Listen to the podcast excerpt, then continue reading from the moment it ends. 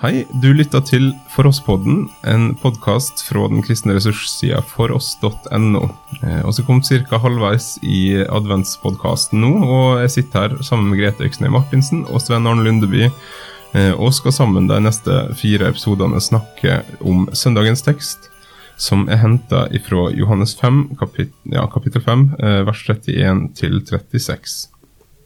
Dersom jeg vitner om meg sjøl, er vitneutsagna mi ikke gyldig. Men det er en annen som vitner om meg, og jeg veit at den vitneutsegna han gir meg, er sann. Dere sendte bud til Johannes, og han har vitna for sannheten. Jeg trenger ikke vitneutsagnet fra mennesket, men jeg sier dette så dere skal bli frelst. Johannes var ei lampe som brann og lyste, og ei lita stund ville dere glede dere i lyset hans. Men jeg har et vitneutsagn som er sterkere enn den Johannes ga. De gjerningene far har gitt meg å fullføre. Og det er disse gjerningene jeg gjør, som vitner om at far har sendt meg. Eh, denne teksten starta jo med et litt merkelig vers, eh, der oss blir tatt inn i en slags eh, rettssalssetting. Og Jesus sier dersom jeg vitner om meg sjøl, er vitnestegna mi ikke gyldig. Mm.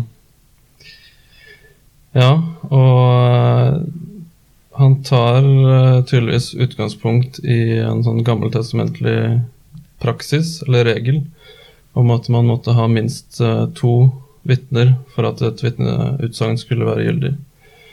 Så her uh, tar Jesus på en måte utgangspunkt i det premisset og bygger videre på det.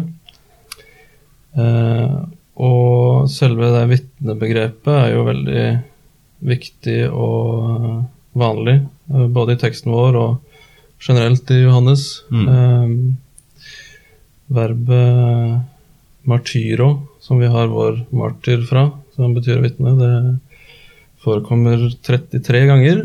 Eh, mm. Ifølge noen som har tatt seg bryet med å telt det. Og, og, så ser vi at Jesus i denne teksten og fortsettelsen eh, faktisk tar fram til sammen ja, vi kan si fem forskjellige vitner mm. eh, for sin egen del. Eh, og det er jo, som han nevner i verset etterpå, eh, døperen Johannes er et mm. vitne. Eh, og så snakker han om eh, sin far, at han er vitne. Mm. Og så gjerningene som han gjør, mm. eh, er et vitne. Og så senere så snakker han om skriftene Eh, at de vitner om meg.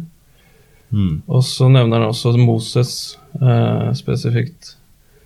Eh, så Jesus eh, bringer også inn alle disse vitne, vitnene eh, i eh, saken om hans troverdighet, om mm. skal si det sånn.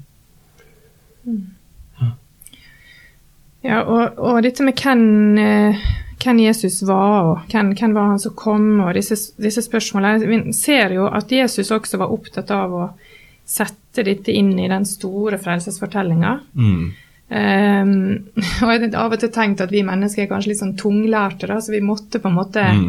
uh, Bibelen er så god for oss sånn fordi den så ofte minner oss på ja, men det henger sammen med det, og og Jesus kom, og det, er den som profetene sa skulle komme. De har vitna om meg før. Mm. Og Noe av det som er fint i adventstida, syns jeg, er jo nettopp å ta fram igjen disse profetiene fra Gamle Testamentet som peker framover eh, mm. på hvem, hvem, som skulle komme. sant? Vi har Isais rotskudd, vi har Jesaja som fikk se et barn som skulle bli født. Mm. Og der er disse her eh, gamle profetene som så framover, og det er snakk om 600-700 år. Mm. Og de sier jo også at vi, vi, ser ikke det klart. Vi ser at det er langt borte, dere er nødt til å vente.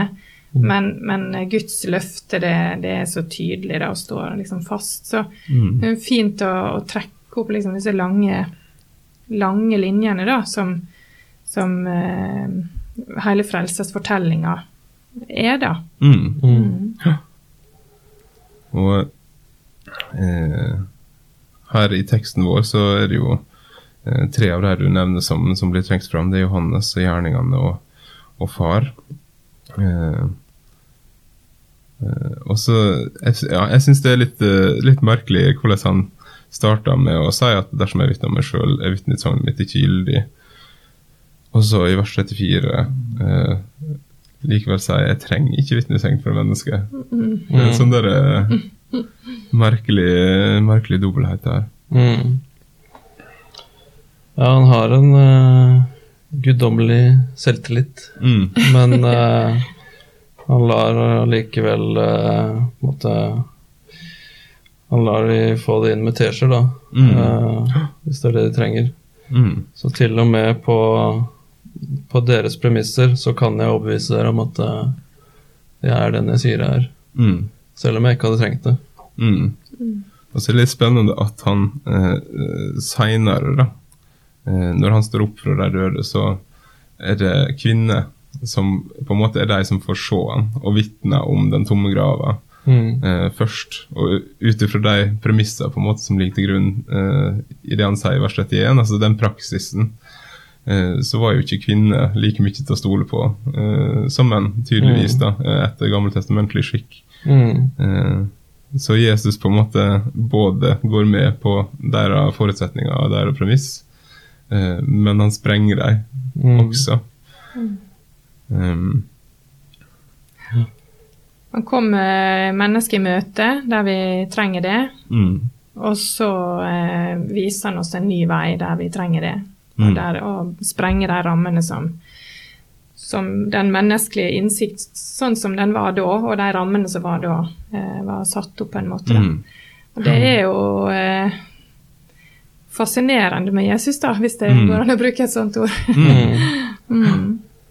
Og så er det jo noe fantastisk i det at uh, menneskelige vitnesbyrd, selv om ikke Jesus uh, trenger de for å på en måte bevise sin, sin guddom og den han er, så er det kraft i menneske, menneskelig vitnesbyrd til å uh, føre folk til frelse. Mm. Uh, så det er jo noe som vi kan få frimodighet og ja, fryde oss over.